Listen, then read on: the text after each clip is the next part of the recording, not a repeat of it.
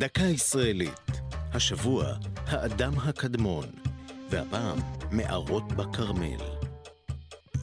המטייל בנחל מערות בשיפולי הכרמל יגלה כי המערות השוכנות בו אינן רק מרשימות למראה, אלא שהן מעין מנהרות זמן, המובילות לסיפור שגילו כחצי מיליון שנה.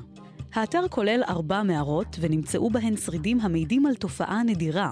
במקום נשמר רצף התיישבות אנושית שנמשך כ-500 אלף שנה, והוא כלל ארבע תרבויות שונות שמצאו כאן את ביתן. על הראשונה מעידים כלי הצור שנמצאו במערת תנור, ואילו התרבות האחרונה בהן היא בת כ-15 אלף שנה, זאת על פי שרידי מבנה מגורים במערת הנחל.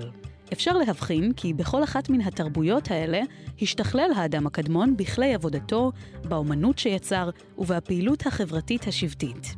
החפצים והכלים שנמצאו בנחל ומוצגים לקהל במערות עצמן ובמוזיאון רוקפלר בירושלים מעידים על המעבר מחבורות נודדות של ציידים לקטים לחיים ביישובי קבע. הם גם הוכחה לכך שאוכלוסיות שונות של האדם הקדמון חיו זו לצד זו, האדם הנאנדרטלי ולצידו בהמשך ההומו ספיאנס, האדם הנבון, שבני האדם המודרניים, אנחנו, צאצאיו. זו הייתה דקה ישראלית על האדם הקדמון ומערות בכרמל.